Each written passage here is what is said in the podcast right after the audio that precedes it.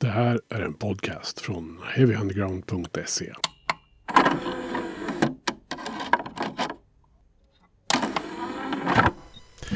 Heavy Undergrounds podcast har ju under året ägnat sin klassikerserie åt 1993.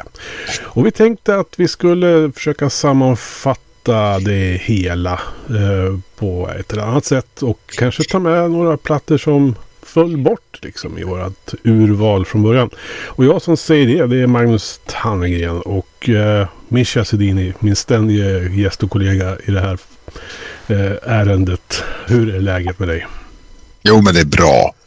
Det har varit ett kul år att göra den här podden. Vi har verkligen gjort eh, tio, tio avsnitt som har varit roliga, kanske lite jobbiga, men eh, främst roliga att skriva om faktiskt. Mm. Ja, alltså det är tio plattor vi har gått igenom eh, här under det här året. En gång i månaden har det kommit ett avsnitt. Bara för att liksom påminna folk lite om vad det är vi har pratat om så tänkte jag, vi drar väl listan sådär lite i oordning noterade jag nu att den är, men ändå. Ah, ja. Eh, vi började, tror jag, med Primus, Pork Soda. Mm. Och fortsatte med Simon's Dream med Smashing Pumpkins. Sen kom det en sån här skiva som jag hade kanske ett litet avigt förhållande till, nämligen Bloody Kisses med Typo Negative. Men jag har ju ändrat lite uppfattning om den. ja, vad kul. Mm. Har den spisats flera gånger nu? Ja, ja, absolut. Mm. Jag var ju tvungen att lyssna liksom ordentligt när jag, vi hade pratat om den. Det, Ja. det är en av de här roliga grejerna med den här eh, poddserien tycker jag. Verkligen. Sen gick vi vidare och pratade stenhårt musik om Sepultura och eh, Chaos AD. Och så Yes. grävde vi ner oss i ett soundtrack, Judgment Night.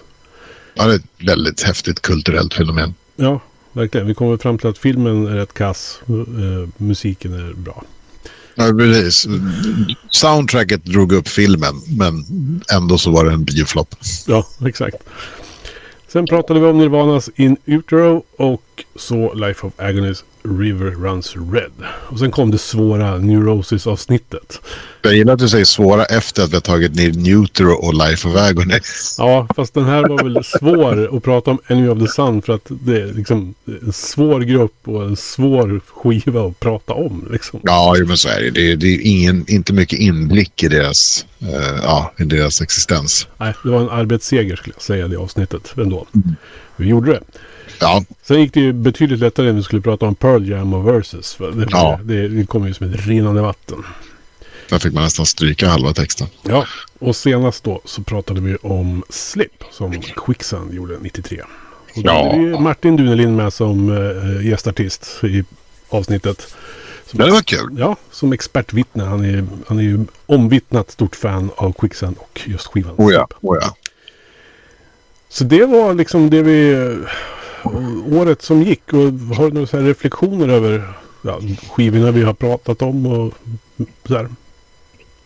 Inte mer än att alltså, jag tycker det är kul att se att jag tror att när det gäller, ja, det är Neurosis och Quicksand. Det är de två plattorna som jag inte liksom köpte eller liksom, ja, eh, hittade till när det begav sig.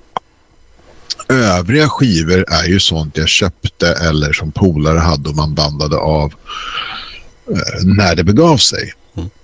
Ehm, kan hända att jag var lite senare på Type of Negative, men eh, i övrigt så är liksom, jag tycker det är häftigt att se. Det här året var verkligen wow. Absolut. Har du ändrat uppfattning om någon av skivorna sådär? Som liksom skiftat? Och när, du har, när vi, har, vi har ändå liksom lyssnat och analyserat det här på något sätt. Både faktamässigt och histor- liksom, vad vi tycker om saker och ting nu för tiden. Nej, jag tror inte att jag har gjort det med de här skivorna. Däremot så har jag ju blivit rikare så att säga i, i, i kunskap och, och bottnat lite mer i dem för att jag har läst på lite mer om dem. Men däremot så kommer det komma en skiva som vi ska prata om idag, en av våra honorable mentions, eh, som jag definitivt har ändrat eh, uppfattning om. Ja, vi, här är ju tio plattor vi har pratat om och vi hade ju naturligtvis en, liksom, många fler önskemål eh, mm. när vi gjorde den här listan. Och vi, liksom, en del kändes vi inte bekväma med helt och hållet. Och, ja, det har ju dealats lite grann fram och tillbaka i urvalen här. Men vi kom ju fram till ändå att det finns ju några plattor till som vi kanske ändå borde säga någonting om. Ja. Och vi har ju som valt... tjänade sin tid i eten så att säga. Exakt. Runner-up liksom. Eller som du säger, honorable mentions. Eh, och det är väl fyra stycken som vi tänkte dra lite eh, snabbt om här. Eller snabbt, ja. det där ska man aldrig säga. Det här kommer att bli det längsta avsnittet vi någonsin har gjort. ah, vi får se var vi ja. hamnar. Um, ja, jag tänker uh, det är egentligen bara kasta sig in i den här högen.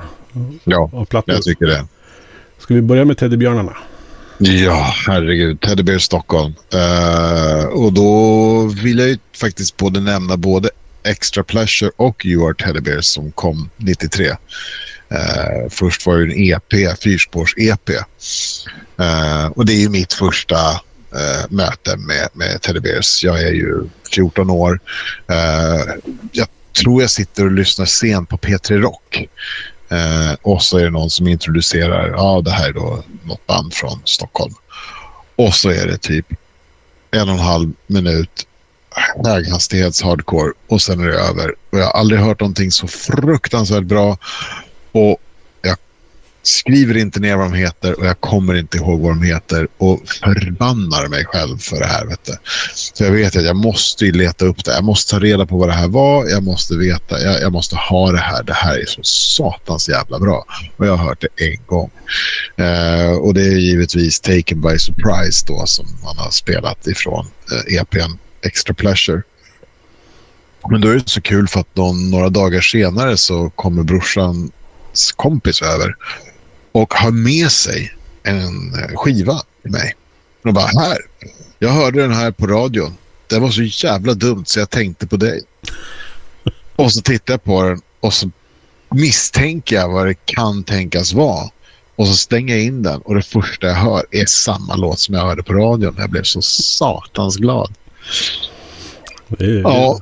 lite gudsfinger där. Va? Ja, verkligen. verkligen. Jag, jag, Gud ville att jag skulle höra Teddy Stockholm. Ja. Jag delar nog den där P3-historien uh, med dig där. Jag tror mm. nog också att det var där jag hörde Teddy Bears första gången. Sen vet jag inte om det var Taken by Surprise. Det kan ha varit Step On It också. Mm. Uh, mm. Om inte annat så tror jag att Step On It kördes på ZTV på, i en eller annan form. Uh, ja, det ska finnas en video till den. Ja, runt den här tiden. Uh, det var säkert Jon Jefferson Klingberg som körde den. Uh, I sitt uh, hårdrocksprogram. Uh, men Hårdrock. som du säger, man hade ju inte hört någonting som lät sådär riktigt. Uh, alltså det var ju mycket punk på den tiden, absolut. Men det här var ju ändå alltså stenhård hardcore som bara kör över en. Det är ju som ett tröskverk liksom hela mycket av det som är på skivan. Det var just det härliga med Teddy Bears var att de sparkade åt alla håll. De sparkade för sparkandets skull. Mm. Jag vet att de, det finns ju den här härliga, när de spelade på uh, Hultsfred så klev de upp på scen och så skrek de bara Tjena byhåla, vi är, det är vi som är Teddy Bears från Stockholm, huvudstaden. Och sen så, ja, och så har de ju även, ja, enligt legenden så ska de ha gått upp. De, av någon anledning så har de blivit bokade och, och lira på Handelshögskolan eller någonting liknande. Ja. Och eh, ja, precis. Och jag menar, man tar de gig som ges. Men då hade ju Arve gått upp istället och bara skrikit i mikrofonen att Hallå alla moderatjävlar, det är vi som är Teddy Bear Stockholm. så så de, de sparkade för sparkandets skull och det var det jag lite gillade med dem. Det var ju liksom, någonstans här är vi ändå inne i det här. Man har liksom sett lite det här Glenn Killing i manegen. Man har, eh, ja, ironi är en väldigt stark kraft som börjar komma och, och, och, det märktes att även om texterna var väldigt politiska så hade de en sån jäkla fuck it-mentalitet. Mm. Så ja, man vart ju, tappade ju hakan när man såg dem. Mm. Jag läste mig till de började som någon sorts grindcore dödsband. Mm, just det. Ja. Men så bytte de namn eftersom eh, ville heta någonting som lät lite snällare än Skull. Heter de väl. Ja, de heter Skull. Och. Men det roliga är ju att precis, de, de, de ville gå helt och hållet emot. Alla andra hade ju sådana coola namn som jag vet inte, Earth Crisis fanns innan då, men just de här skatebanden eh, hade ju så tuffa och hårda namn. Och då ville de ha någonting snällt och gulligt för att bryta hela det. Mm. Precis, som sagt, de sparkade alltid åt andra hållet. Och då ville de byta till Dead Bears. Men på den tiden fanns det ett band, ett tyskt eh, Eh, eh, dansband som hette Teddy Bears. Så de kunde inte ta det namnet, så då fick de heta Teddy Bears Stockholm. Mm. Ja. Jag, jag sprang iväg och köpte CDn. You eh, Are Teddy Bears. Det- Mm. Den blå med det gula pentagrammet på. Alltså, det är ett sånt genuint underbart eh, omslag. Och precis, det är, det är blå, blå, alltså, det är ju svenska flaggans färger i det här. Mm. Och så är det precis blå bakgrund och så ett gult pentagram. Fantastiskt. Ja.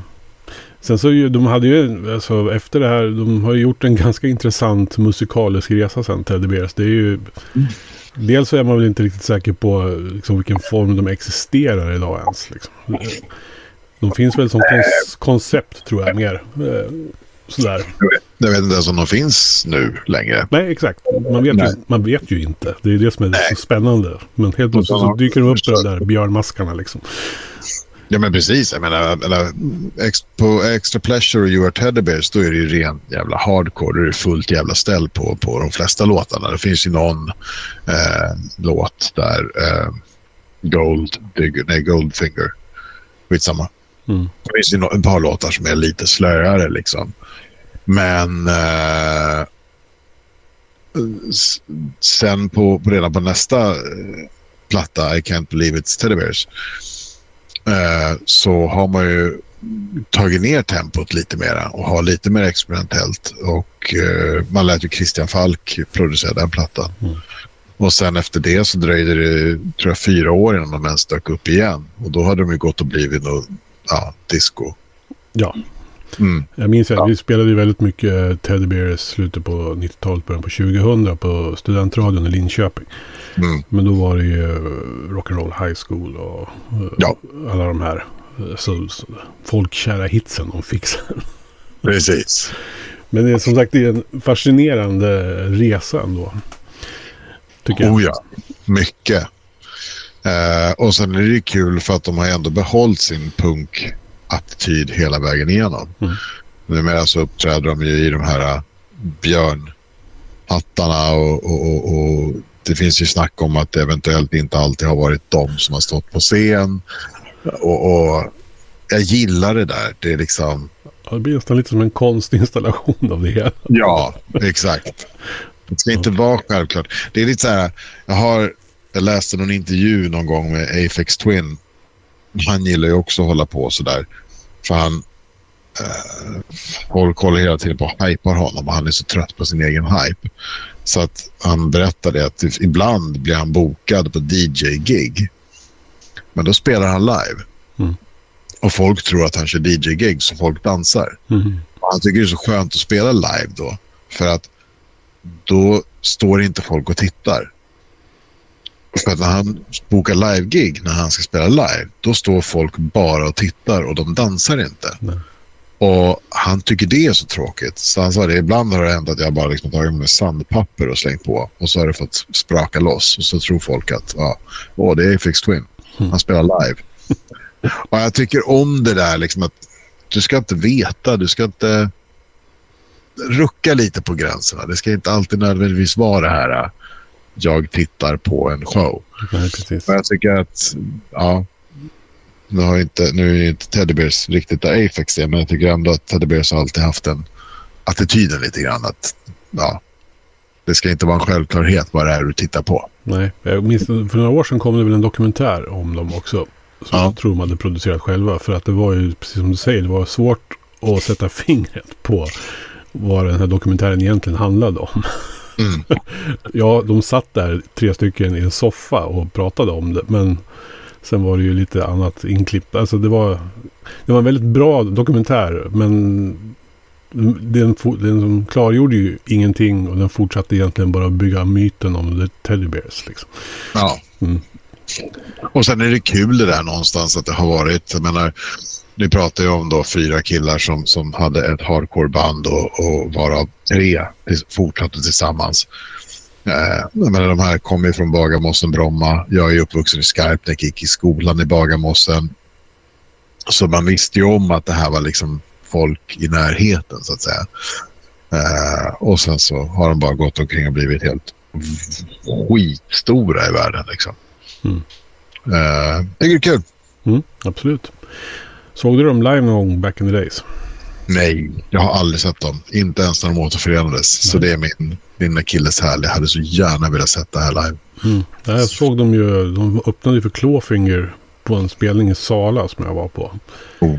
Eh, och det var ju fortfarande Hardcore Teddy Bears då. Eh, Mm. det här kan ha varit, kan det ha varit 94, Mm. möjligtvis 95. Jag är inte säker. Lite Nej. där. Men eh, det var Clawfingers spelning minns jag inte så mycket av. Eh, Teddy Bears däremot var ju totalt kaos på scen. Och Arve trasslade in sig i mikrofonsladdar och höll på att strypa sig själv och ramlade omkull och hade sig. Och mitt i konserten sprang det upp en snubbe helt näck eh, över scenen. Ja, ja, du vet. Och så var det ju fullständigt kaosartad hardcore som framfördes under, kan det ha hållit på, 30 minuter max. Liksom. Och lämnade scenen i spillror och ruiner. Och, och sen skulle stackars Clawfinger gå på efter det då. Just det, just det. Nu gjorde de ett bra spelning de också, absolut. Men ja, man var ju lite matt efter Teddy Bears upplevelsen om man säger så. Ja, men jag kan förstå det. Mm. Ja, jag tycker... Ja, men, Ja, nej, men så Teddy Bears, Extra Pleasure, Your Teddy Bears. Eh, det var första eh, så här som vi funderade på att göra ett helt avsnitt om, men eh, föll bort vi förstod ju ganska snabbt att det fanns inte jättemycket att, mjölka ur den kossan. Det fanns inte mycket information att få. Och sen så tänkte man att man kanske skulle kunna ha hört av sig till någon av dem där. Men det känns som att en intervju med någon av dem hade nog inte jättemycket mer. Jag skulle inte tro det. Va? Nej, vi- det känns som att det, är ett kapitel som har varit för dem och vi som var där och vi som var med på den tiden, vi vet vad det här är. Och har man inte lyssnat på You Are Teddy Bear så ligger den på Spotify, så gå in och lyssna. Det är, har man inte hört vad, att, vad Teddy Bears kan göra så borde man i alla fall ha hört det en gång. Det tycker jag. Eh, vi ska be oss till de brittiska öarna eh, och prata om PJ Harvey. Eh, Yes. Det här var väl en sån här platta lite grann som föll bort på grund av att liksom... Ja, dels så föll den väl inte riktigt in i ramen för de övriga skivorna hade valt. Eh, så, lite grann. Eh, Mm. och sen är hon ju lite gre- svårgreppbar, eh, PJ. Ja, det här är ju faktiskt det, jag skulle komma till. Det här är en sån artist som jag har inte satt mig in i hennes eh, kartotek. Jag har inte uppskattat det supermycket. Mm. Men sen var det ju ett tag på tapeten att vi skulle göra ett avsnitt om henne. Så jag började lyssna. Eh, sen ändrade ju du dig och tyckte att vi måste ju köra Neurosis. Så, ja. Mm. jag, jag tackar inte nej till Neurosis, men jag måste säga att jag hann ändra uppfattning om den här plattan. För jag lyssnade verkligen in mig. Så jag har faktiskt lyssnat ett gäng gånger på den Ja. efteråt. vad bra. Och börjat, börjat se tjusningen. Och plattan vi pratar om är Rid of Me naturligtvis. Um, kom i maj 93. Och det här var ju skivan som kom liksom innan hennes stora break. Eller vad man ska säga. Hon var ju ganska indie på den här tiden. Eh, Ja. Hon slog igenom sen med To Bring Me Love som kom. År Ja. 95. Eh, så med alla hits som kom från den. Men det här var ju den... Alltså jag minns den ju från att jag såg videon på MTVs Alternative Nation eller sånt där till... Um, Man-sized var det väl. Ja. Hon sitter väl på någon pall, tror jag. Så här. Och tittar in i kameran. Och så här, man... Väldigt påträngande video. Som jag Ja. minns det. Eh, eh, och hon var ju fortfarande väldigt underground på den tiden. Eh, men ändå.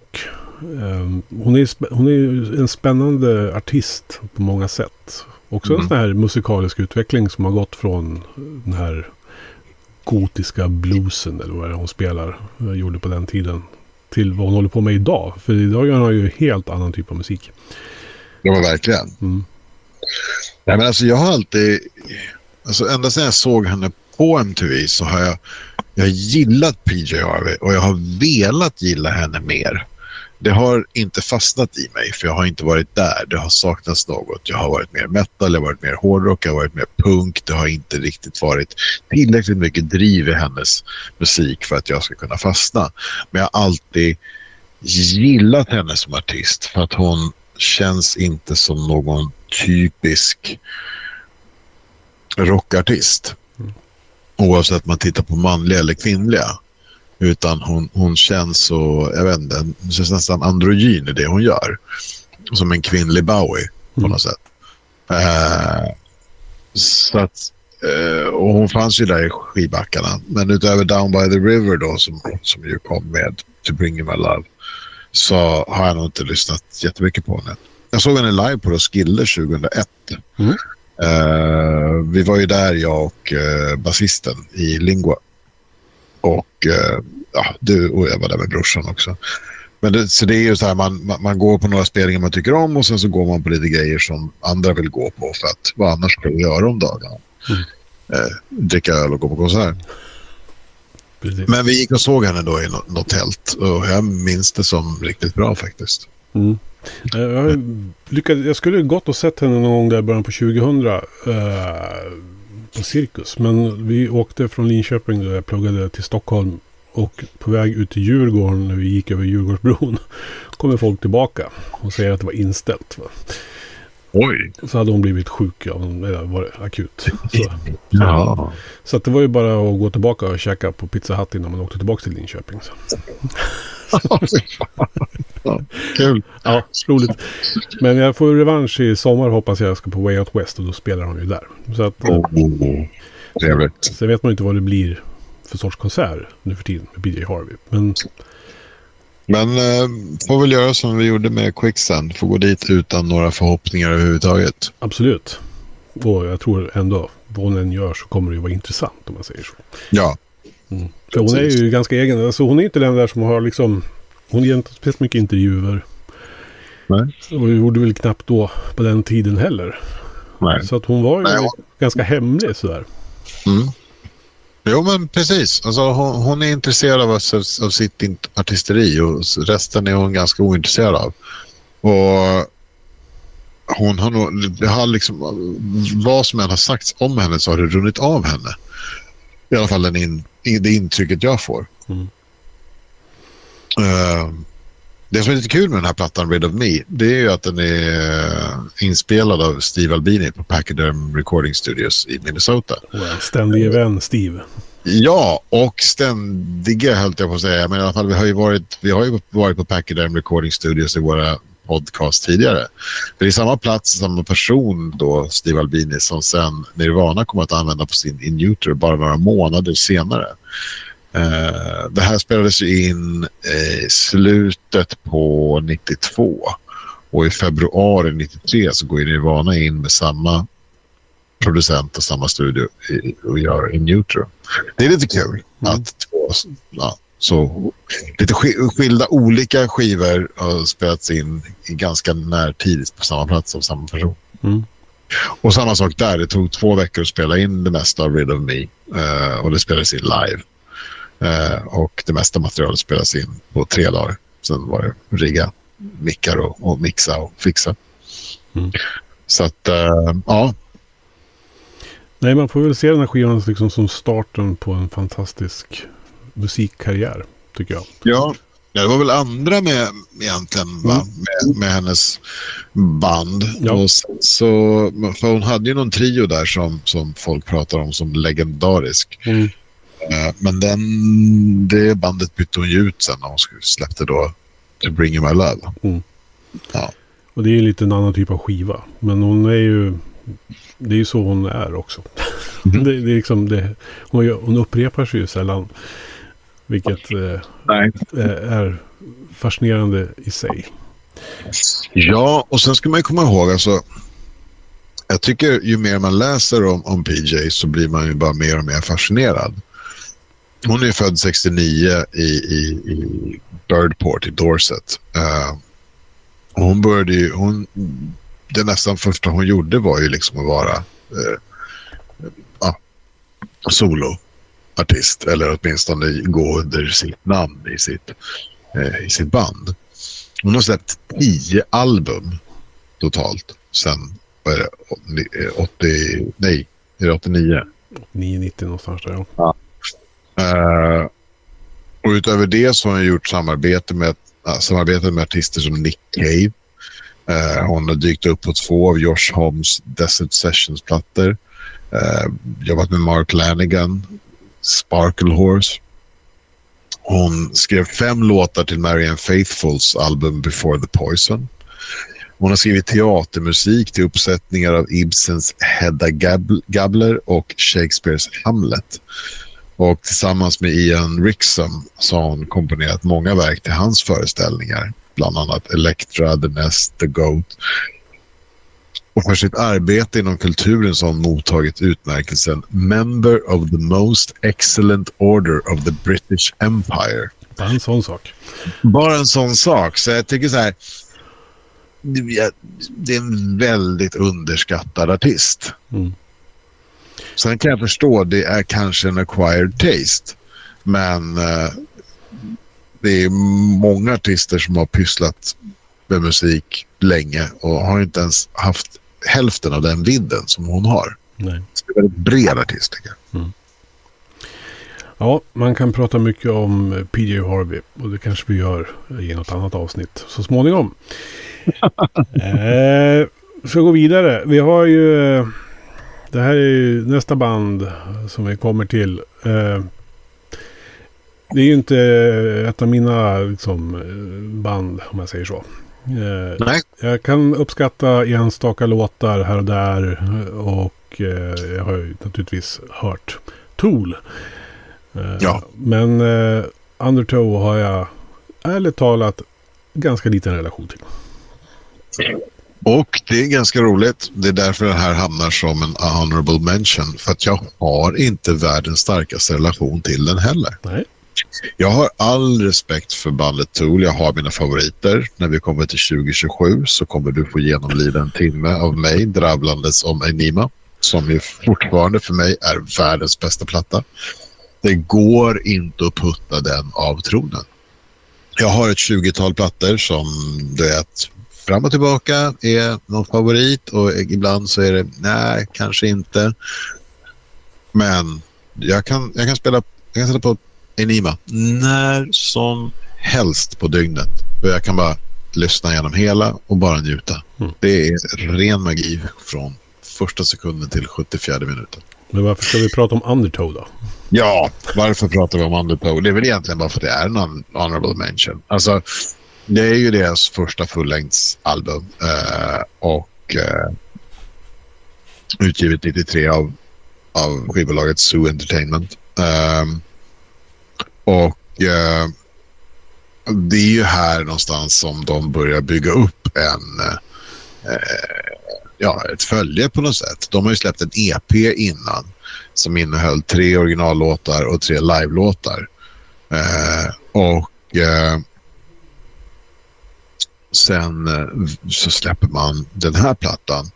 Eh, och den spelas in av Sylvia Messi som vid det här tidigt redan har spelat in, om jag inte minns fel, så har väl hon gjort Bad Motorfinger med, med Soundgarden. Så hon har ju ett rykte om sig att vara bra. Man lyckas få med Henry Rollins eh, på en spoken word-grej. Så det är kredit nog. Eh, men framför allt så har man ju lyckats trycka in två låtar då som jag ser det som är liksom verkligen visar var, eh, vad Tool kan bli för typ av band. Och det är ju Sober och Prison Sex. Och dessutom så gör man ju två videos till de här låtarna som jag tycker är... Eh, vissa håller ju på och säger att ah, men man har ju snott alltihopa från tjeckisk tecknad film. Och det kan man mycket väl ha gjort. Men man gör det jävligt snyggt tycker jag. Mm. Man gör dockteater som är fruktansvärt ångestdrabbande. Uh, så man, här börjar man liksom ana någonstans vad Tool kan komma att bli som band. Uh, och fyra år senare så ska man då också visa vart skåpet ska stå. Mm. Men vad, vad, är det som skiljer Tool 93 liksom musikaliskt från det de blev senare? Jag skulle säga att det är mer rak rock eh, på Undertow. Man har börjat jobba med udda taktarter. Man hör att det finns en god trummis i, eh, i eh, Danny Carey. Men allting är fortfarande så pass separerat. Och allting är fortfarande hyfsat rakt. En låt som Sober är jätterak. En Prison Sex är också ganska rak rock. Sen finns det att de lägger in en alltså en sju takt på, på några låtar och kanske någonting annat. Men man har inte riktigt elaborerat ut fullständigt i de här och svävat ut. Det som händer sen eh, och som vi ska gå igenom i mycket mer detalj om fyra år eh, är ju att man har ett mer organiskt sound. Det växer ihop det jag formligen älskar med Enima som ju är vad vissa stör sig med på Tool med Enima. Att de tycker att eh, folk vill ju höra vad varje instrument gör. Och jag är tvärtom. Jag tycker det är så härligt på Enima där jag emellanåt inte vet vad som är gitarr, vad som är bas eller vad som bara är ett syntpålägg. För jag tycker det bara är en matta av ljud. Och det är det intressanta. Det är det jag tycker om. För det blir en organism, en självlevande organism. Man hör den här femte medlemmen så väldigt väl. Det är soundet som bara göttar ihop allting till någonting som är... Ja, jag tror att det där kan vara en gitarr. Jag har ingen aning. Skitsamma, det är bra. Mm. Men det börjar med Undertow då? Ja, det börjar egentligen med Opiate. Men, uh, men Undertow är ju en, en, en uh, hyfsat uh, trevlig brygga. Mm. Jag känner att jag, det är bra att jag har fyra år på mig att förbereda mig för den här Anima-upplevelsen jag kommer att ha 2027. kommer att bli fantastiskt. Så att vi gör en trailer för det redan nu här i Heavy Underground. Att vi kommer att ta upp det då. Ja, men jag, jag, hör, jag hör vad du säger. Jag ska, jag ska skicka lite länkar. Jag har fyra år på mig att bygga upp någon form av pepp i det i alla fall. Det kommer att gå jättebra. Uh, ja, det var Tools Undertow. Det. Uh, nu ska vi till en helt annan typ av musik. Uh, oh ja. Vi ska prata om Deaf Dumb Blind och Clawfinger. Ja. Vårt svar på rap metal. Ja. Alltså den här plattan, jag ska ju vara ärlig, den slog ner som en bomb i mitt huvud när den kom. För att det här lät ju, man hade ju hört Anthrax rappa till tunga gitarrer. Man hade hört Run DMC. Alltså de här vanliga, ni vet vilka låtar vi pratar om. Men eh, när någon kommer och gör något sånt här, alltså en hel platta. Eh, med det soundet och med ja, den rösten som Saktell har. ja. uh, och ja, naturligtvis med en hitlåt med det namnet. Uh, ja. Så uh, är ju Deaf Dumb Blind, ja, den, den är ju onekligen en viktig platta 93. Den är superviktig. Alltså jag kan inte... Jag vet att det är liksom... Med åren så har den gått och blivit lite okreddig uh, i, i kretsarna.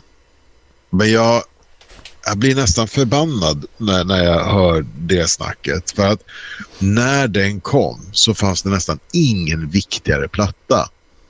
Vi visade, eller vi, vi hade turen. Det var lite som VM 94.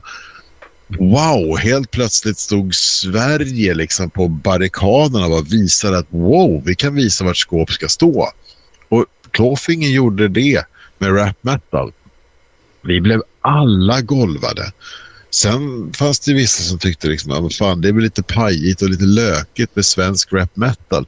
Men Clawfinger tog sig själva på allvar och jag gillade det. Jag, gillar, jag förstår, visst, idag är det kanske inte så jävla sexigt att ha en låt som heter Nigger. Men låten handlar ju om ett viktigt tema. Den är ju antirasistisk. Mm. Och jag tycker den har en viktig poäng. Eh, Warfare, en annan, eh, en annan viktig låt från den. De tog upp teman som var sådär saker man själv brann för. Man var, jag gick runt och, och, och var antirasist och, och, och, och, och, och, och, och var sjukt mycket mot krig och som de flesta tonåringar är. Och, och, och Zack rappade rakt in i liksom med, med snygga ord och snygga rhymes så, så bara man bara köpte in det där helt och hållet. Mm. Och en förpackning som inget annat svenskt band gjorde på den tiden. Nej, de hade ju ett sound som liksom inte hade hörts förut också. Alltså Mm. programmerat och blytunga gitarrer och allt vad det var. Det var ju inte hiphop på något sätt där. Det var ju snarare någon sorts industrigrej liksom. Ja, ja, ja. Men samtidigt så låter sakta han påminner ju lite om Chuck D liksom i, i pondus i, Ja. i sin rap. Liksom. Han har den där djupa rösten liksom som bossar runt liksom. Eh, det är lite kul. Jag såg dem ju i Köping eh, 93. Eh, Mm. det måste varit deras första sväng ut någonstans. Ja. De hade väl nyss fått hitten liksom med Nigger och den låg på trackslistan. ja. Och jag tror vi var ett 20-tal pers i publiken i Smedjan som åtminstone officiellt släppte in 250. Eh, och det var ju rätt glest om man säger så. Ja. Jag och min kompis Micke åkte ju dit för vi gillar ju det här. Eh, och de körde ju hela Death Dumb Blind i stort sett. Plus eh, Nigger två gånger. En gång i början, en gång i slutet. Och sen slutar de med repliken Vi har inga fler låtar. Och så var det över. Jag har fortfarande kvar affischen faktiskt. Turnéaffischen från den turnén. Någonstans i, i arkivet här. Det var kul. Ja. Så att... Eh, nej, men det, det var lite kul. Man kände sig lite så här... Att man hade fattat något som ingen annan hade fattat.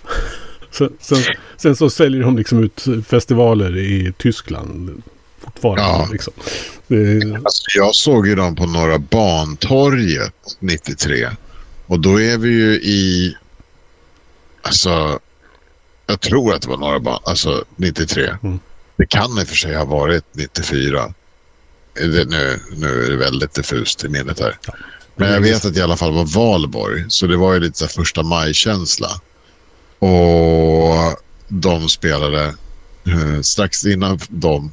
Det var två scener uppslängda på Norra Bantorget. Och på ena scenen såg vi Peps Persson. Och senare på kvällen så, så spelade eh, Klåfinger inför ett hyfsat fyllt Norra Bantorget. Eh, det var så här gratis gig eh, sponsrat av LO. Och det var helt fantastiskt. Det var ju liksom sen kväll, mörkt och alltihop. Och man stod där ute, frös nog så fruktansvärt för det var kallt. Det var ju sista april. Och det var så sjukt bra. Jävlar vad bra det var. Och det var ju det som också var så häftigt att eh, det var inte ett band som bad om ursäkt för sig för att de fanns. Utan de tog tag i scenen. Det var deras scen. Uh, och det var så häftigt. Man har ju sett, man har ju hört ett och annat band göra någonting på skiva och sen så när man kommer upp live så, så ja, det låter okej. Det var väl kul. Men det var inte mycket mer än så. Men Klåfinger var ju, alltså Zack, han, han hade ju pluggat hela hiphopboken och Han stod ju och ägde scenen. Och det var så otroligt häftigt. Det var skitcoolt. Mm. Och vill man ha ett bra exempel på hur skivomslag såg ut på 90-talet så kan man ju titta på Def Dumb Blind. Eh, Ja. Det är ju ganska tidstypiskt om man säger så. Oh ja, oh ja. Ett omslag som Sugar försökte kopiera sen med sin platta Nothing. Kul också att de gör en, vad ska man kalla det för, en cover på Asta Kasks låt De får aldrig mig också. Ja, Det, det, Det- det, låter inte alls Asta Kask om den, men det, liksom, det, det är snyggt gjort. verkligen. Ja. Det är, jag hade ingen aning om det förrän uh, Jocke berättade för mig. Nej. Att det var en cover. Så att det var, jag hade ingen aning. Jag hade aldrig, då jag, på den tiden hade jag aldrig lyssnat på Asta Kask, så jag hade ingen koll. Nej. Jag har ju en lite rolig berättelse. Får jag ta två minuter till det här? Är ju, det här har ju ingenting med klåfinger att göra utan det här har ju liksom med saker och tings värde. Jag vet att jag, eh, jag hade ju kärat ner mig totalt i klåfinger och av Uh, ja, genom Guds vilja som vi pratade om tidigare så befann jag mig helt plötsligt på samma tunnelbana som Saktel. Och jag gjorde det med en kompis som också var klåfingerfan. Och jag var så här, jag måste gå fram och fixa hans eh, autograf. Och så letade jag och jag hittade en penna. Men jag hade ingenting att skriva på. Och så tittade jag ner i plånboken som jag kunde hitta något kvitto eller någonting, vad som helst. Och det enda jag hade på mig var en 20-lapp. Mm. Så jag tar fram en Selma, Selma Lagerlöf och går fram till honom och frågar Tja, hej, kan, kan jag få din autograf? Och han då lite ödmjukt, ja, ja absolut, kul, kul, tack så mycket. Och så, där. så skrev han sin autograf på den här 20-lappen. Jag tog hem den och satte upp den på min anslagstavla. Och där satt den. Och den var helig i några månader. Tills den här dagen då kom då jag inte riktigt var lika stort Clawfinger-fan och sockersuget tog över. Och jag minns så väl att jag gick ner och köpte en påse supersalt och AK-chok för den 20-lappen. Mm. Så där försvann Saxtells uh, ja, autografer från mitt liv på grund av sockersug. Ja, du vet ungefär vad en sån är värd nu. Ja, fin historia ändå. Ja, tack. Jag har faktiskt berättat den för Saktell. Ja, nej, men jag tycker absolut. Jag tyckte han förtjänade att veta vart hans autograf landade i slutändan. Ja. Eh, apropå Asta Kask och svensk punk. Eh, vi har ju en skiva kvar att prata om som vi ja. inte har pratat om tidigare i år. En riktig brottarhit vart det ju från den här plattan och eh, på något sätt så var det väl på något, början på toppen av den svenska trallpunkens storhetstid. Så kan man väl säga. Den kom i typ. Sen 94 så brakade det löst riktigt jäkla ordentligt. Eh, ja. Eh, men De Lyckliga Kompisarnas skiva Tomat ska vi prata lite grann också om. Ja, Detta... den är värd att nämnas. Den har ju trots allt spelats flitigt i de flesta ja, sällskap. Ja, absolut. De fick ju en radiohit egentligen på grund av radiosporten vad jag har förstått. På. Är det så det var? Ja, jag intervjuade Mart för några år sedan och han pratade om det där. Att de började spela ishockeyfrisyr på radiosportens sändningar.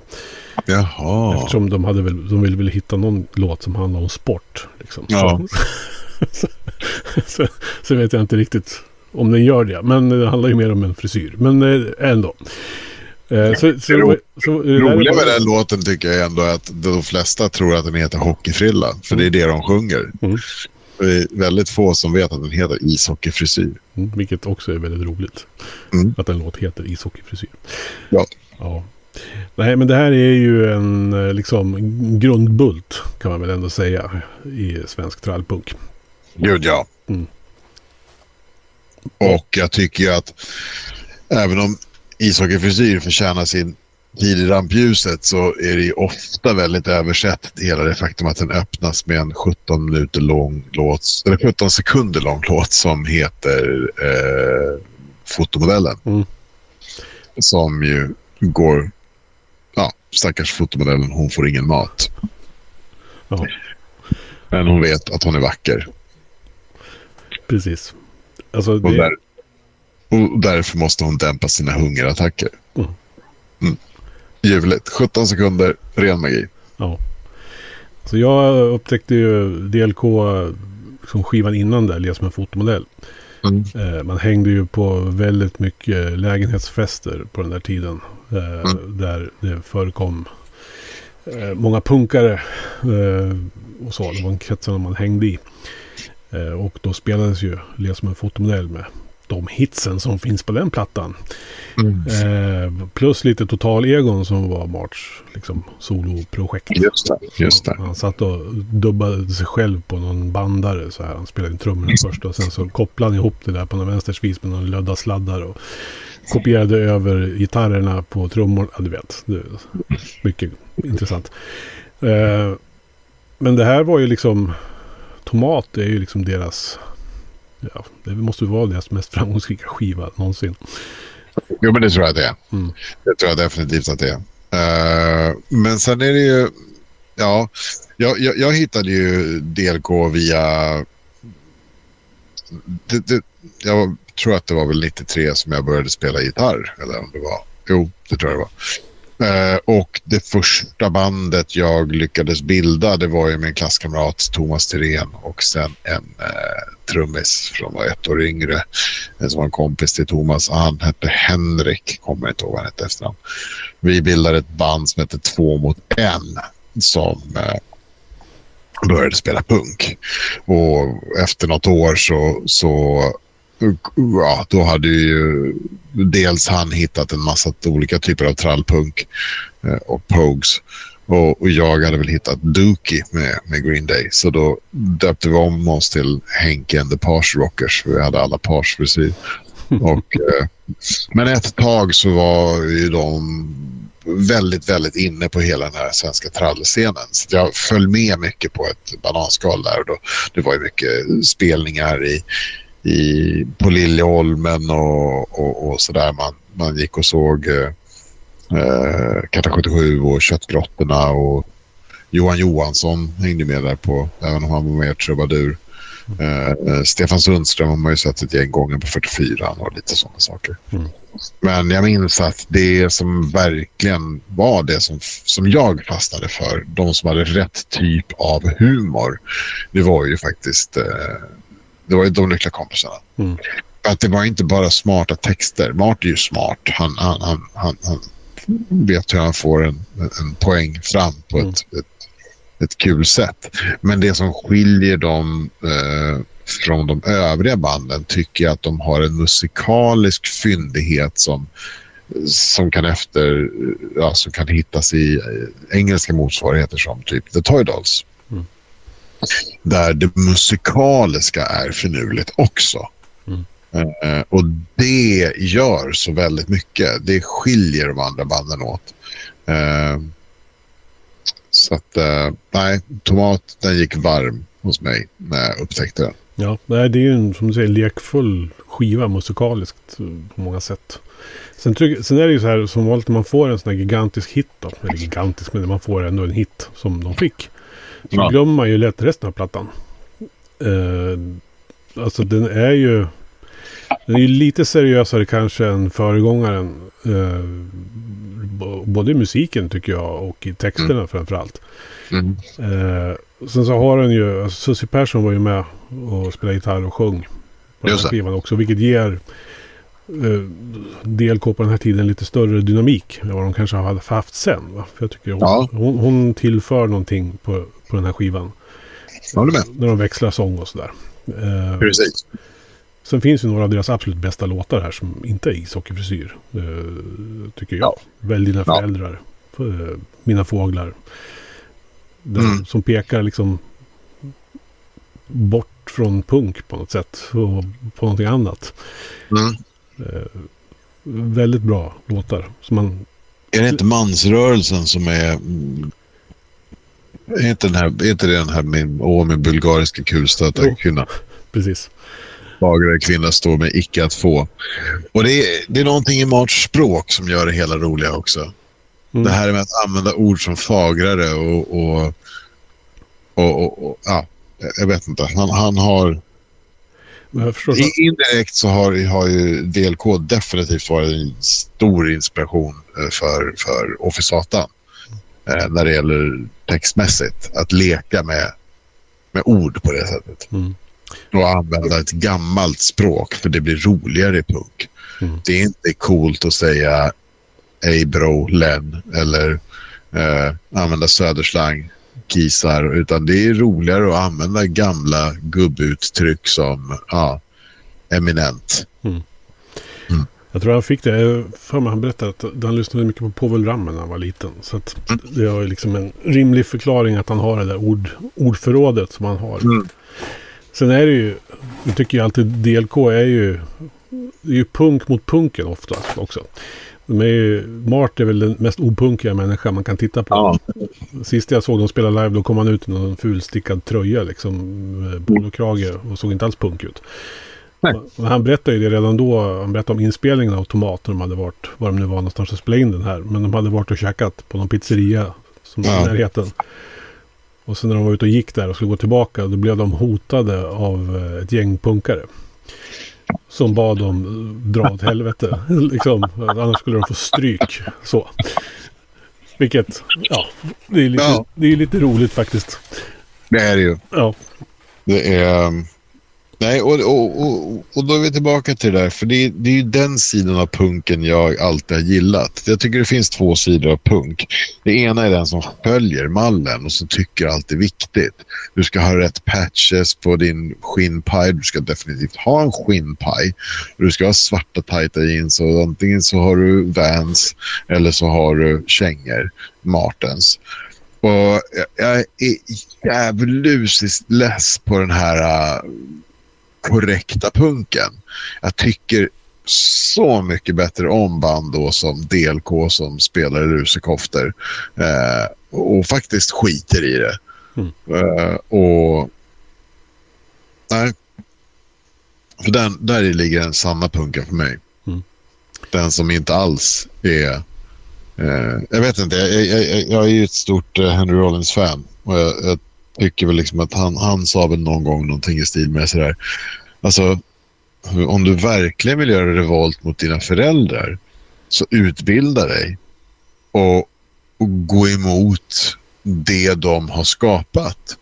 Om det är det du verkligen vill göra revolt mot. Men att göra revolt genom att supa och bara förstöra din egen framtid. Vad, vad åstadkommer du? Jag tyckte det var så här, jag, jag, kan inte, efter att jag hörde det, man, man, kan inte gå ifrån den meningen riktigt. Utan det är verkligen, just det. Vad, vad är egentligen punk? ja, det är förmodligen de lyckliga kompisarna då har vi kommit fram till. Ja, ja, givetvis. Det är den enda svenska sanna punkgruppen på 90-talet. Sen kan vi bara säga, jag tycker det är lite roligt. eh, det, är ju, det har inte hänt så jäkla mycket ut med de här eh, medlemmarna. Men någon som faktiskt har gjort mer, det är ju trummisen Jouni. Mm. Eh, för han gick ju vidare efteråt och spelade ju med ett par år i, med ett band som heter Urga. Som eh, ett tag var liksom stående. Eh, det var ju liksom en liten så här, ah, vad ska man säga, folkmusik, klashmisk punk eh, som var eh, huvudband för Cirkus Cirkör i några år. Eh, så varje föreställning så spelade de punk och Cirkus Cirkör ja, gjorde ju sin grej. Eh, och sen har ju eh, ja, han har ju även varit med och involverad i ett projekt som heter Stockholm Jazz Beat Project som är mer jazzbeat-musik. Och har även spelat trummor på två plattor med Eldkvarn. Ja, det ser man. Mm. Så att, eh, ja. Det får man för punk. Ja. Mm. Ja, hörru du. Eh, det var de vi hade tänkt ta upp som lite extra material här i vår klassikerserie om 1993. Eh, är vi nöjda med hur vi har speglat 93? Jag är det. Ja, ja men det tycker jag. Alltså, som alltid, det går att nämna en massa annat. Jag vet att du och Martin Dunelin gjorde ju ert... eh, Just one fix. Ja, och där gick ni ju verkligen igenom. Eh, jag tyckte det var ett kul grepp att ni hade med lite politik och ni hade lite andra tv och, och, och, och, events och, och sådär. Verkligen för att skapa en, en bild av det hela. Men vi har ju aldrig satt ut någonting annat än att prata om tio för oss gemensamma klassiker. Mm. Väldigt, väldigt godtyckligt utvalda. Absolut. Ja, ja, ja. Nej, det är ju, om det inte tilltalar oss så är det inte värt att nämnas. Nej, det Så är, att ju, jag, det är ju vår Nej, podd liksom. Så. ja, exakt. Så att om det sitter någon där ute och tycker att men varför nämnde ni inte den här? Det är för att inte vi gillar den plattan. Så. Och då är det så enkelt. Då får man skapa sin egen podd och så kan man prata om den plattan. Så nu ska vi stänga boken om 1993. Vi kanske återkommer om tio år då, när det är 40-årsjubileum. Så att, eh, vi får väl se. Då börjar vi om. Alltså. Eh, men där är vi inte nu. Utan... Du menar att indirekt så kommer det aldrig vara lönt att gå in i 2000-talet? Nej, nej, vi kommer att jobba oss fram här. Långsamt. eh, nu ska vi ju liksom ta en nackgrepp på nästa år. Mm. Efter att vi har vilat upp oss lite grann här över jul och nyårshelgerna. Och vi bävar lite båda två va? Ja, tror jag. Men vi har ju haft några inledande diskussioner om vilka skivor vi ska ha med. Och jag tycker ändå att vi, vi är inte alls långt från varandra. Nej, gud nej. Det är en, en skiva som vi har, som jag såg på din lista, som vi har ratat. Och jag ska säga att det gör lite ont i mig också att vi har ratat den. Ja. Så att, äh, ja, vi får se. Men eh, 94 är ju ett helvetesår också att välja skivor ifrån. Så att det här... Gud, ja. Det ska ju göra lite ont, den här processen. Jag tror jag gjorde misstaget 1992 att säga att 1902 var världens bästa musikår. Men jag, eh, jag vet inte om Martin Dunlin lyssnar på det här, men jag ska bara säga det så att det är sagt. Jag hade fel. 1994 är världens bästa musikår. Mm. Och det går vi in i, ja, i januari då. Jajamän. Början på februari eller när du släpper det här det första avsnittet då. Som vi återkommer till så småningom. Men du Mischa, det har ju varit ett sant nöje att prata om 93 med dig och jag ser oerhört mycket fram emot 94. Det här kommer att bli svinkul och jag hoppas att alla ni som lyssnar på det här också kommer att tycka det och hänger med hela vägen. Jag kan bara hålla med i exakt allt du sa och precis samma sak. Häng med, 94 blir ett jättekul år. Mm. Mm. Med det sagt så säger Heavy Undergrounds podcast tack och hej för den här gången. Och tackar för att ni har lyssnat. God jul, Hakuna Matata. Du har lyssnat på en podcast från heavyunderground.se. Jag som säger det heter Magnus Tannegren och är den som producerar och intervjuar i den här podcasten. Vill du veta mer om det här avsnittet eller om podcasten i allmänhet?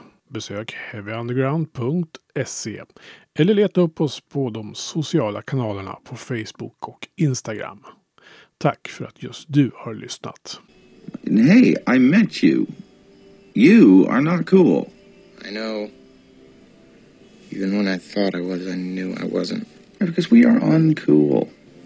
I'm glad you were home. I'm always home. I'm uncool. Me too. You're doing great. You know, the only true currency in this bankrupt world is what you share with someone else when you're